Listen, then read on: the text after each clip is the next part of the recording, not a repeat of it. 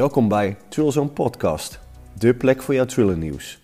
Over de boeken die we lezen, de series die we kijken, de auteurs die we interviewen en alle andere laatste nieuwtjes in Thrillerland. Kortom, hier kom je alles te weten over jouw favoriete boekengenre, de thriller.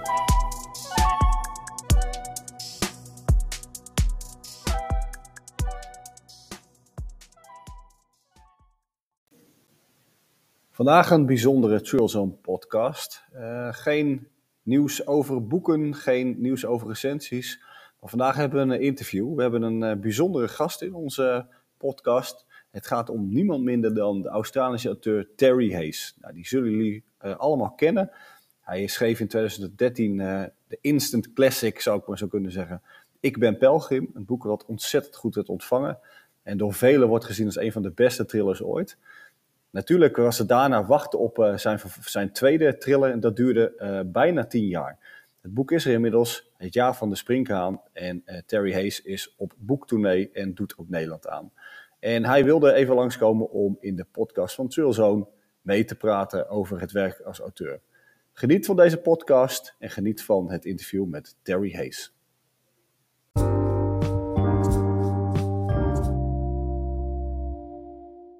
Good morning, Mr. Hayes. Good morning. How are you? I'm fine. How are you? Oh, you know, I could be better. I could be better. I'm here in this dreadful city, staying in a uh, staying in an appalling hotel, meeting Dutch people. You know, I mean, what hope have I got? Uh, oh, no, I, am very well, thank you, and I love Amsterdam. Oh, and uh, great. Um, yeah, you've you've come, uh, you've traveled from Portugal, I thought. Yes, yes. We drove up, my wife and I. We stopped in Bilbao, had a look at the Getty uh, uh, Museum, or not the Getty, the uh, Guggenheim Museum, and uh, drove on through France, and then made our way into into Holland. Um, and it was, uh, yeah, my uh, two of my children live here in Holland. Uh, so I had not seen them for a little while. So it was very nice to catch up with them. And uh, my other two children are here visiting as well. So the family is reunited. Oh, great! That's that's nice to hear. So in, yeah. in your in your busy schedule, you have time for your kids. That's fantastic. Well, I didn't have much choice. Uh, um, no, my um, my eldest daughter is uh, an equestrian rider, and she is training with a very, very prominent Dutch Olympian, a woman that won the silver medal at the Olympics. So she trains with her because my my daughter has her own ambitions to go wow. to the Olympics. Um, and um, she, my my daughter wants to ride for Australia, uh, and um, you know, in Australia, if your horse has got four legs, you're in with a really good chance. Uh, so, so, we're hoping for the best, and uh, and then my other daughter attends the University of Amsterdam. So um, I tried to sneak in without them knowing that I was here, but they found out, and uh, so so yes, I, I've spent some time with them. So it's been very nice. Great. That that plan failed to sneak in uh, unattended.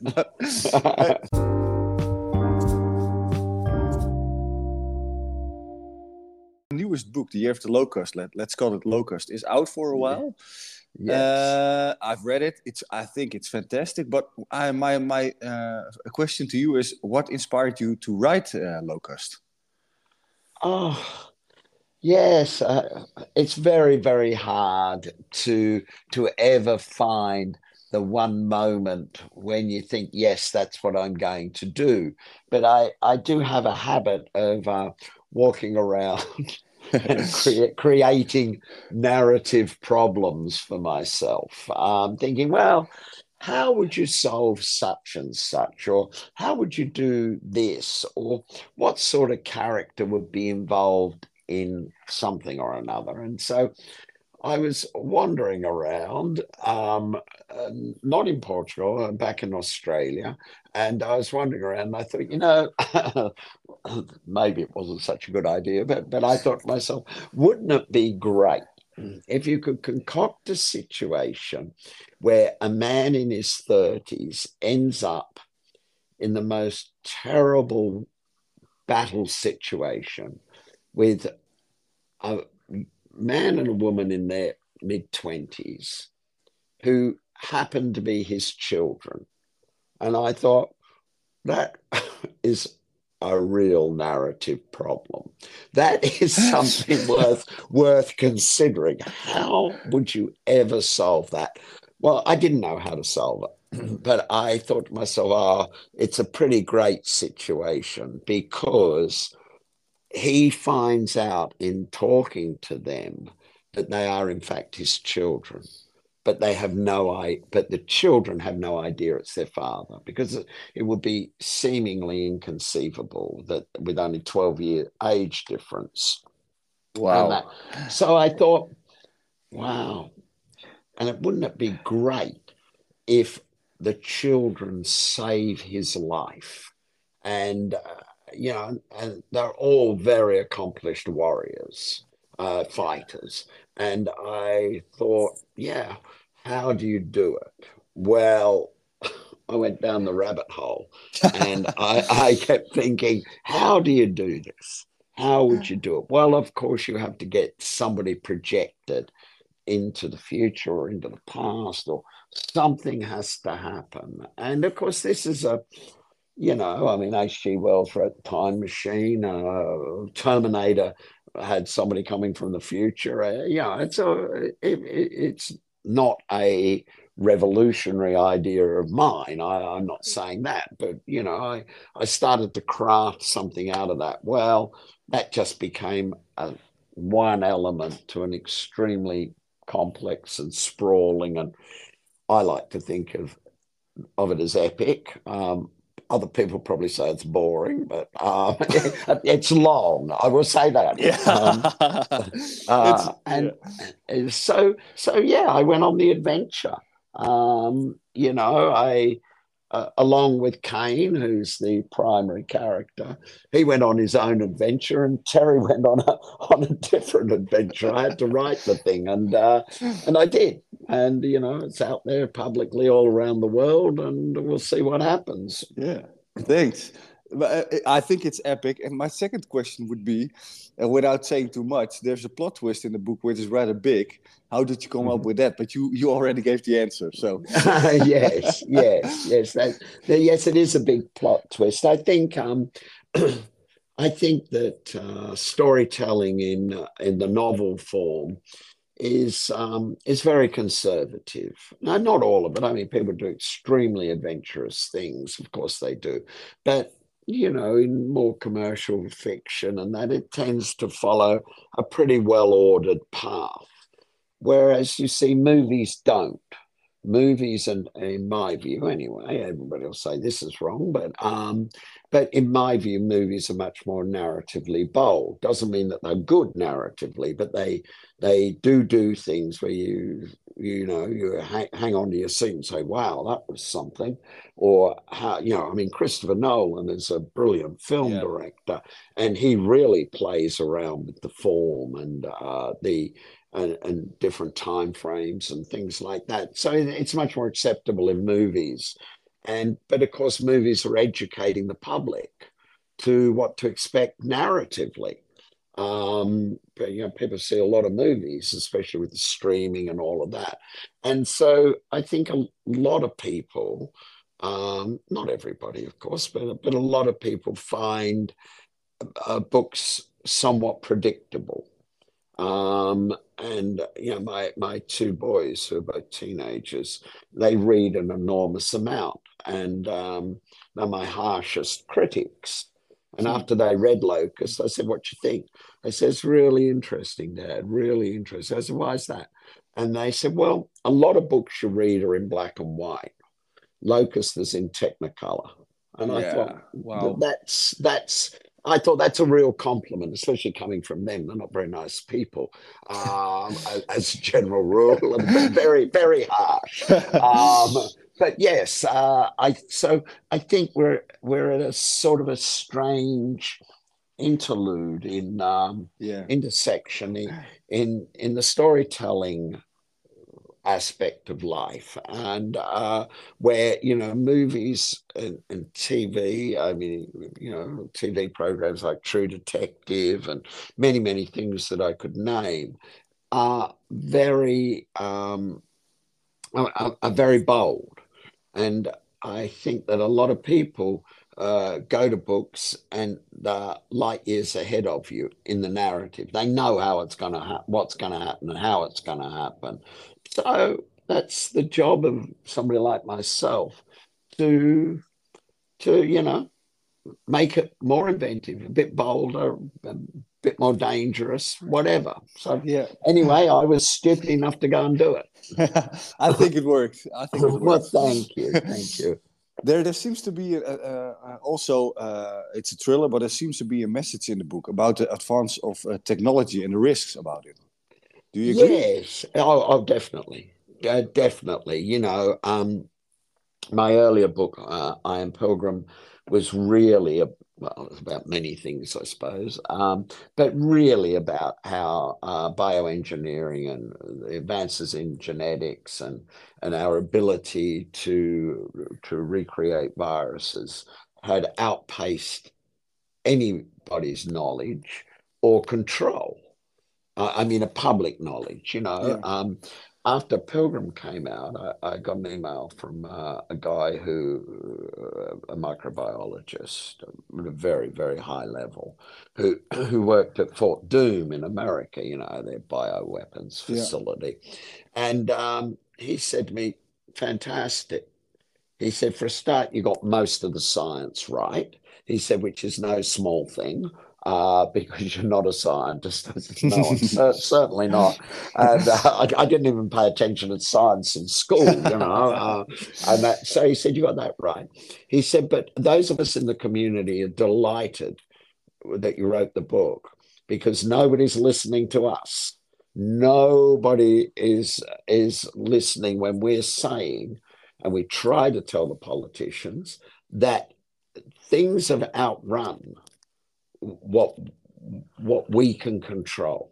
Yeah. It's out there. The knowledge is out there.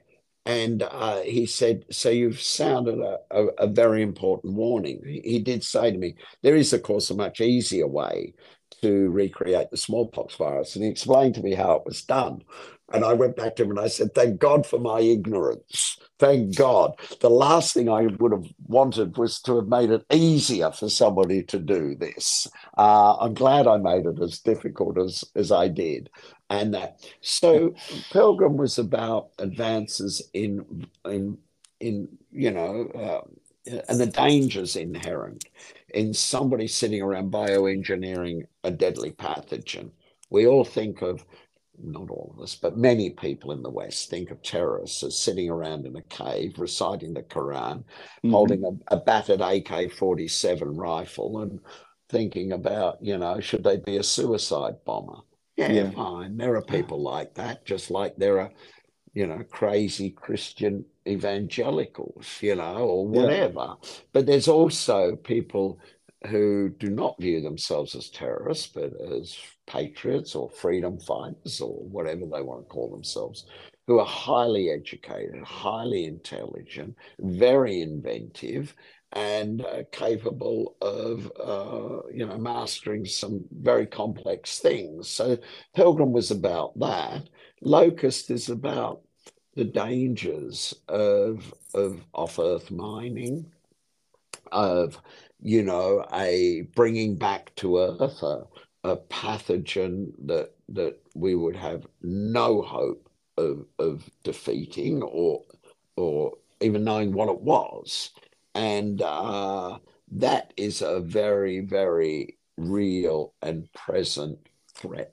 Uh, and, you know, NASA has already landed a probe uh, on a nearby asteroid and brought back samples.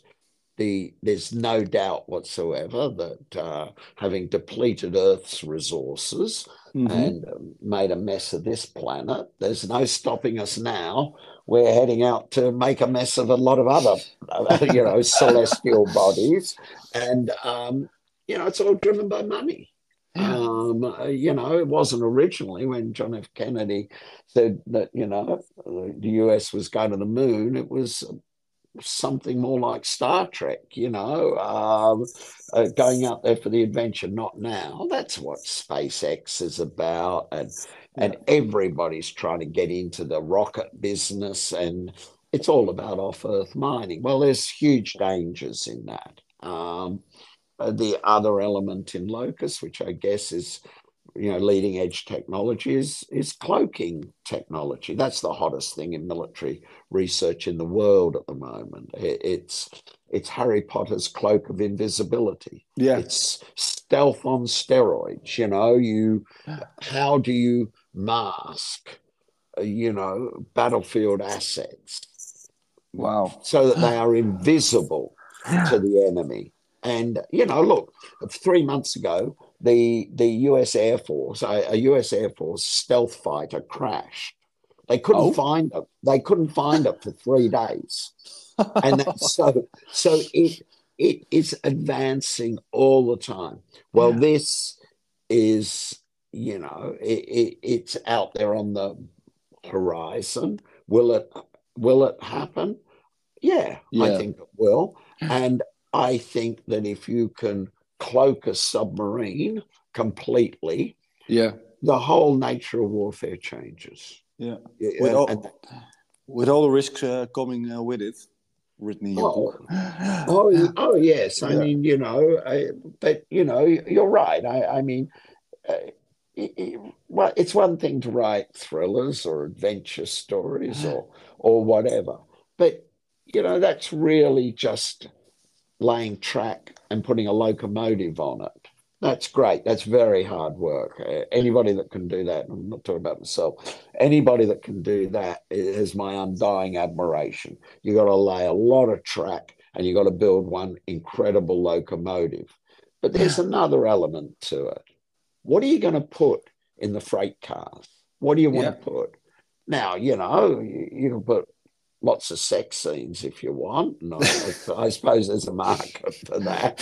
Um, and that, but you know, what I load it with, and hey, you know, some people like it, I'm sure, and some don't.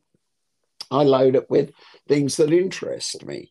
And that is, you know, I mean, Alvin Toffler wrote a book called Future Shock, uh, where, you know, the pace of, of change is outstripping our ability to cope with it and and that interests me. It interests me in in threats to humanity, and um, so yeah, so that's what I chuck in the in the freight cars, and I get into the locomotive, I drive down the track, and and hope, hope we don't crash. You know? well, thank you. Um, uh, it's a question I have to ask, but uh, uh, I read uh, I Am Pilgrim in 2013. Uh, I was a, a, big fan uh, immediately, but it Thank cost you. it did cost 10 years to write the next novel. Yeah. were it hard 10 years for you as an author? yeah, every year's hard for me, but that's my fault. That's yeah. my fault. Um, look, you know, the there's a guy called Dean Koontz. He, he's yeah, an American writer. Yeah. And um, he, he, according to the Washington Post, who had a big feature on him a couple of months ago, and he is a highly successful person, there's no doubt of it. He's written 109 books. Gee. Now, that's a lot of books. Yeah. And he's not that old, you know. I mean, that is a lot of books. He's written 109 books, and it's clearly worked for him. Yeah. On the other hand, J.R.R. Tolkien wrote two books The Hobbit and The Lord of the Rings trilogy. Trilogy, yeah. Now, all of us have a question to answer, you know. Do you want to be Dean Koontz or do you want to be J.R.R. Tolkien? You know, and uh, I, for me, I wanted to be J.R.R. Tolkien. I, I, I wanted to write big, sprawling, epic stories. I'm not saying for a minute that I have one fraction of the talent of Tolkien, but I have an ambition. And the ambition was to do it as good as I could, to make it just as best as I could possibly write it. And, you know, books are remembered long after the release date of the, or yeah, you know, the date of their release. So most writers' careers, um, this is just my observation, most writers' careers are based on a very small number of books. Their reputation is, you know, they might write a dozen books, but their reputation is made by just a couple. Yeah. Um, you know, you can see that in F. Scott Fitzgerald, you can see it in Hemingway, J.D. Salinger, you know, Catcher in the Rye is a brilliant, brilliant yeah. book. He never published another book. Harper hmm? Lee wrote To Kill a Mockingbird, never published another no. book. So there's no rules. There are, abs- in my view, there are absolutely no rules. There's just what suits you. And I'm slow, I admit that. I, I, I, I, like thinking about things. And I also, after Pilgrim, owed my family a huge debt. I, yeah. I never missed a cricket match for my boys and I saw more productions of Aladdin that my girls were in than any one person has to suffer in their life. Uh, I I can't say I was a good father or I am a good father, but I certainly put the time in, and uh, I I yeah I I devoted part of every day to what the kids needed and to do things with my wife and and what have you. And and the book was extraordinarily important to me, but it had to be balanced against years that I would never get back.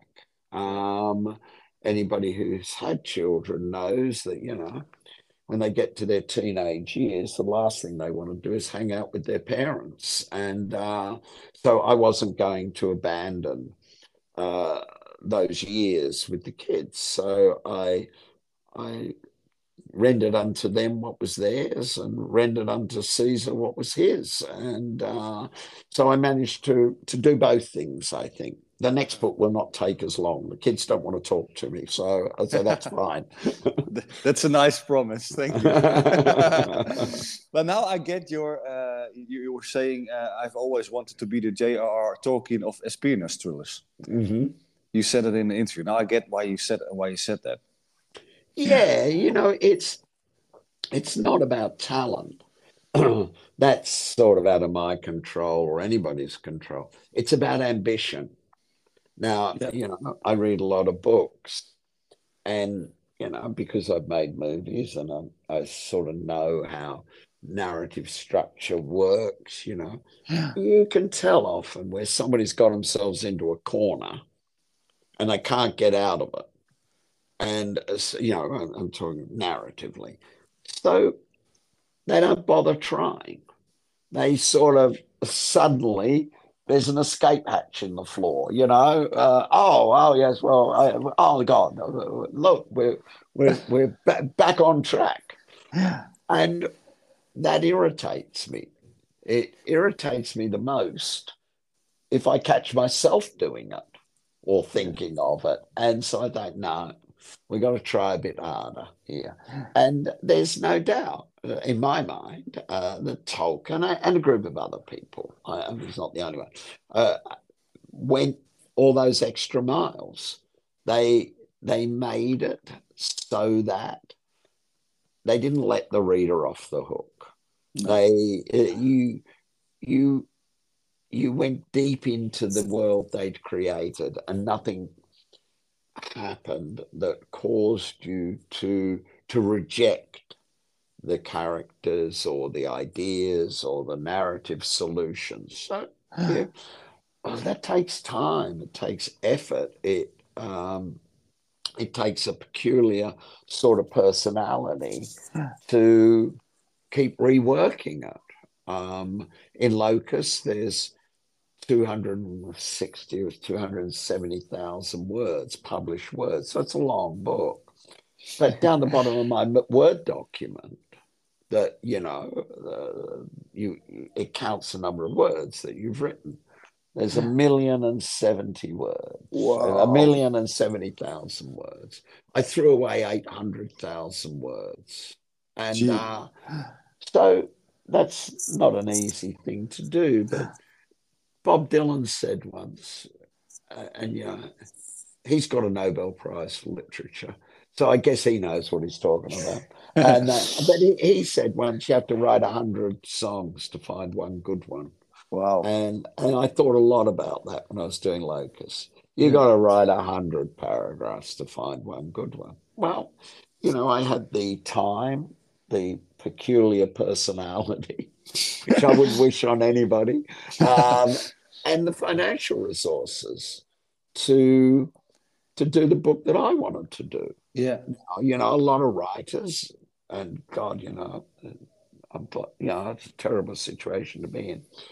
They they write a book and they have to write it fast and they have to get it out there because it's pretty hard to make a living out of writing novels.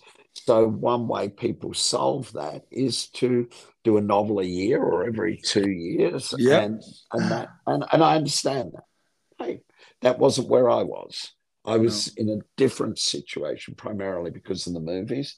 And that so I thought, oh well, uh, it'll take as long as it takes and it did. and yeah, I finally got to the end. you you said in an interview, uh, I thought I had the story when I started, but I wasn't even close. uh, yeah, but, but look, you know, if you if you know the entirety of the story, you're not writing, you're, you're, typing, you know? Yeah. And okay. uh, so you, you've got to be open to it. You've got to be willing to to to let the characters eventually tell you what you've got to do. You know, you start look, it's like kids. You mm-hmm. start off thinking that they'll do what they're told. And then they get to a point where no, they'll do what they want to do, and you better go along with it. And um, that's the that's how it is, you know, with your children and with your characters. So, so yes, if you don't think you've got the story, you'd never start. I get it. If you think you've got the story and you're certain of it, well, you're clearly crazy. Uh, I mean, you're, you're, sort of yeah. Well, I don't think you should should write a novel. I think you should probably go and get therapy. Get, yeah, thanks. Uh, um, uh, talking about Kane and Pilgrim, um, yeah. where, where, did it, in, in your eyes, where did they shake hands, uh, character uh, character wise? Where they do uh, look alike? Well, they're very, um, yeah. With Pilgrim, it's an interesting question. Um, with Pilgrim, he was a misanthropic loner who goes on a, on a very confronting intellectual journey to catch a man. He has no attachments in the world at all. He's a retired intelligence agent who comes back into the game. And he really has no connections to the world uh, in an emotional or a sexual or, or, way. Uh, he, he, you know, very, very troubled background and all of those things. Well, by the time I'd finished a quarter of a million words with him, I was sick to death of, of, of his miserable bloody life. I, I thought, oh my God, this sounds like a writer locked in his room, you know, the poor guy. So I made a conscious decision that I didn't want Kane in Locust to, to be like that. So I gave him a committed, you know, relationship with a woman. She ends up being pregnant. He is a much more in, person engaged in, in life. Um, he works for the Central Intelligence Agency, whereas Pilgrim worked for a mysterious agency, which he'd left anyway, and was, you know, very affluent through strange events. He, he was very wealthy. Uh, Kane's nothing like that. But the biggest difference between them is that that Kane ends up with something really worth fighting for his yeah. family.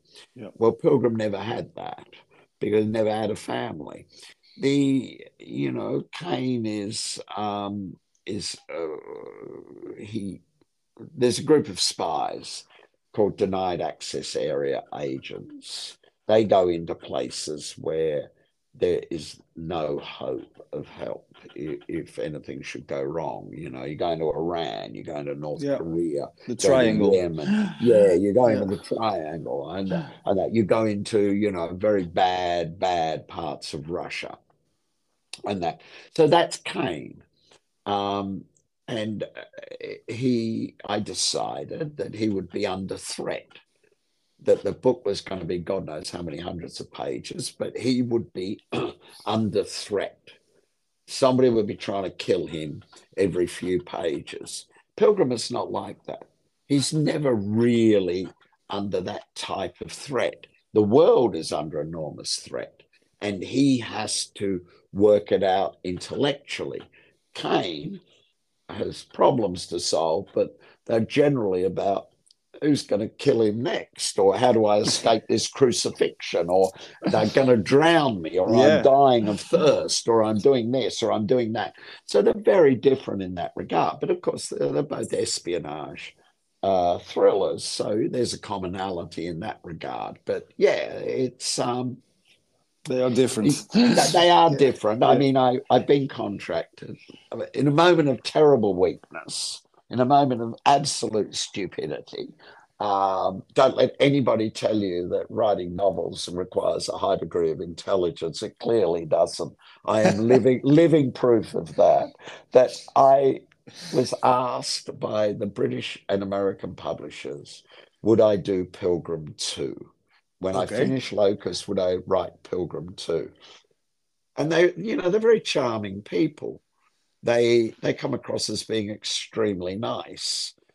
The Dutch publisher is a very very good friend of mine, and you couldn't find a, an an apparently nicer and better person. But none of them are like that at all. They they wait until you're vulnerable, until you haven't had sleep for days, and then they say to you, oh, "Would you be interested in doing Pilgrim 2?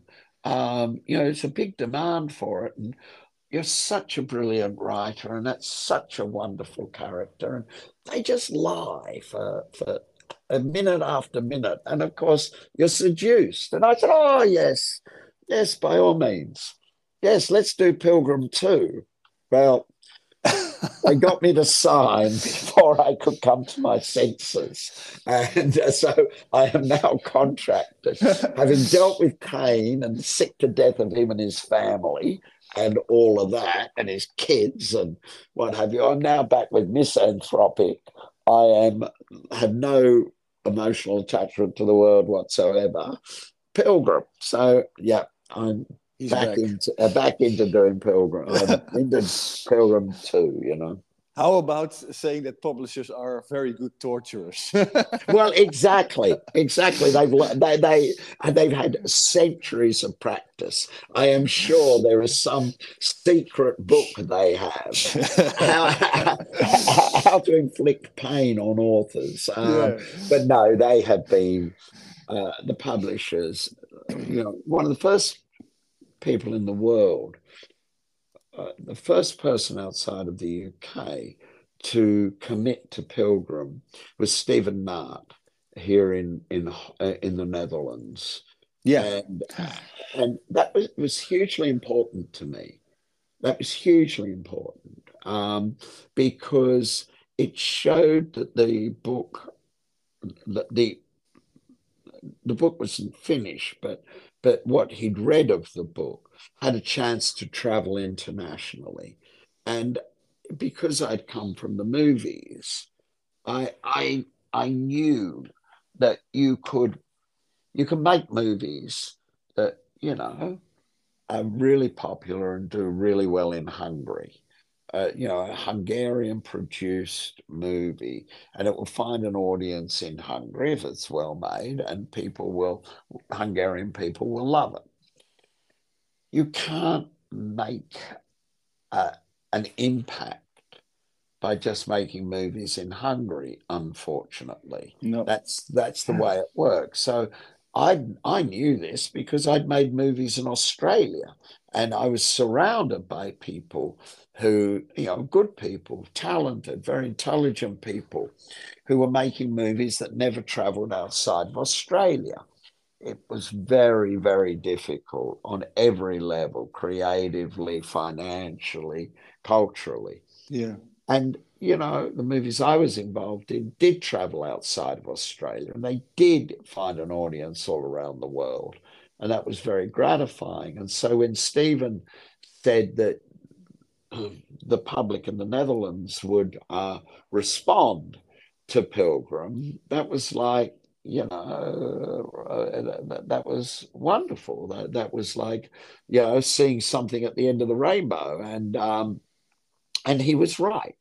I, I, think I can't remember, but I think 56 weeks or something on the Dutch bestseller list. Yeah. And, and, and that, and, and so, you know, he was right about that. But of course, uh, I didn't know that at the time. And, and, and he had the knowledge uh, and the insight to, uh, to reassure me on, on that. And that, and that gave me a real boost. So, so, you know, uh, for those people who write on Amazon and Goodreads, what an idiot I am. Uh, and there are there are many of them, believe me, and they may be right. Um, you've got, you know, Stephen Mark, partly to blame. Yeah, you know, sorry. He, he, yeah, he, he, encouraged me.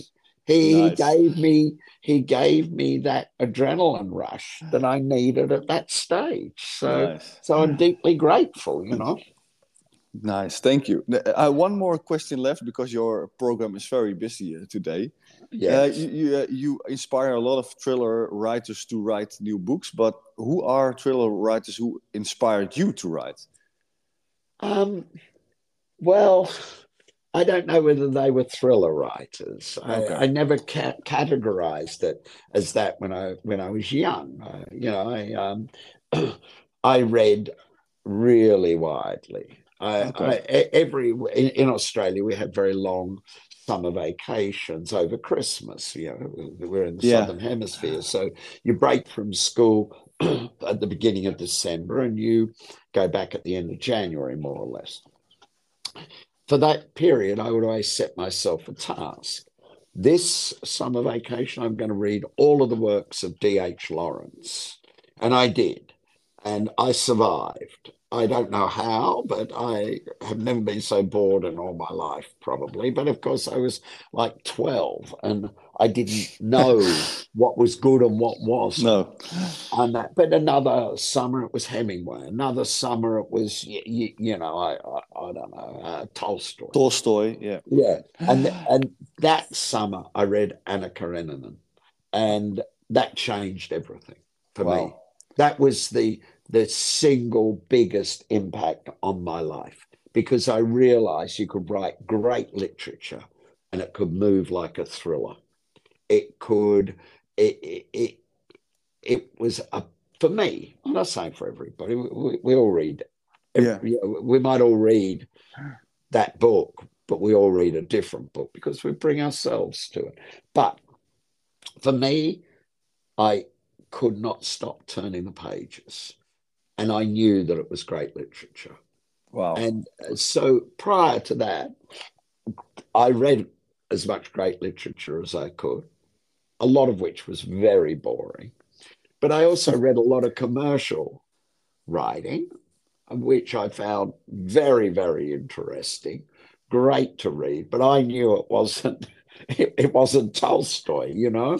So yeah somewhere along the line you meet James Clavell, you know, and you read Shogun, and you think, my God, the research in that. Now, you know, Japanese say it was all wrong. It didn't matter to me. I believed every word of it. So I was always looking for big, epic books, highly researched, that I could believe every word in it. Then, of course, you come to Tolkien.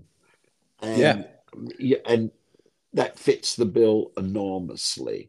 Uh, and that so it was never just thrillers. Of course, I read Nevil Shute. I read a guy called Hammond Innes, who I doubt that anybody reads now, but a terrific thriller writer. Uh, Nevil Shute wrote some great thrillers. Um, yeah, you know, I read Ice Station Zebra. I I read The Guns of Navarone. I read the the early Bond books and didn't Yep. think they were particularly good, but I thought the movies were. Yeah. Uh, and that so it was always a mixed bag. And then many, many years ago, I started to read John Le Carre.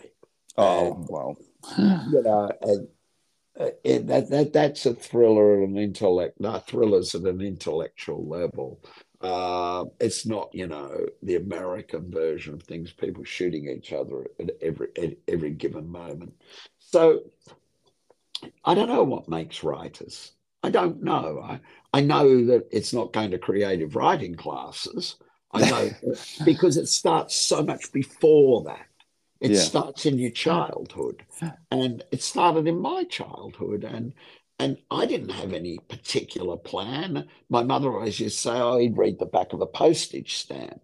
He'd read anything. Uh, He'll read the cereal box and that." And somehow it all goes into this Yeah. sort of mixer and something comes out the other end, you know. But yeah, so I, I can't say there's a favorite thriller. I have favorite authors, but I also I I have never read a bad book.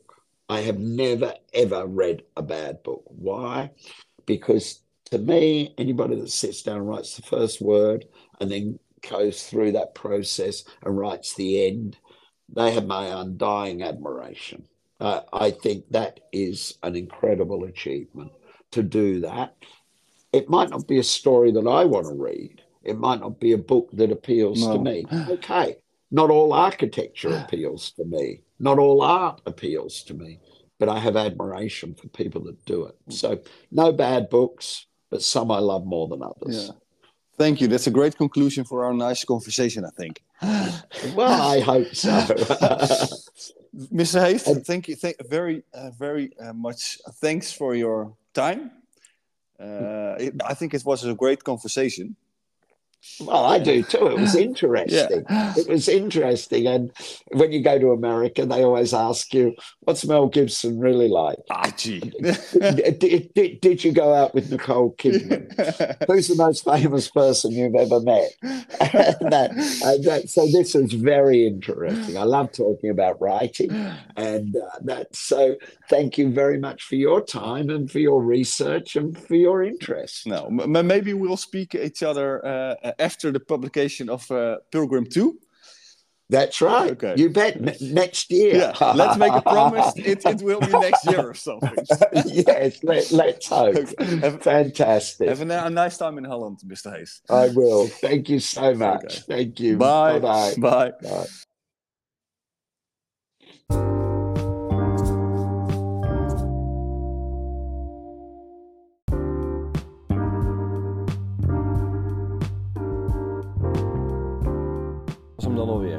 De Twilzone podcast. Je luistert deze podcast op Spotify en via andere kanalen. Bedankt voor het luisteren. Vergeet niet onze website te bezoeken voor je laatste Thriller nieuwtjes. Dat is twillzone.nl. Abonneer je op de podcast via Spotify als je dat nog niet hebt gedaan. En laat dan direct een duimpje achter en een review. Zo kunnen nog meer Thriller liefhebbers onze podcast vinden. Tot de volgende!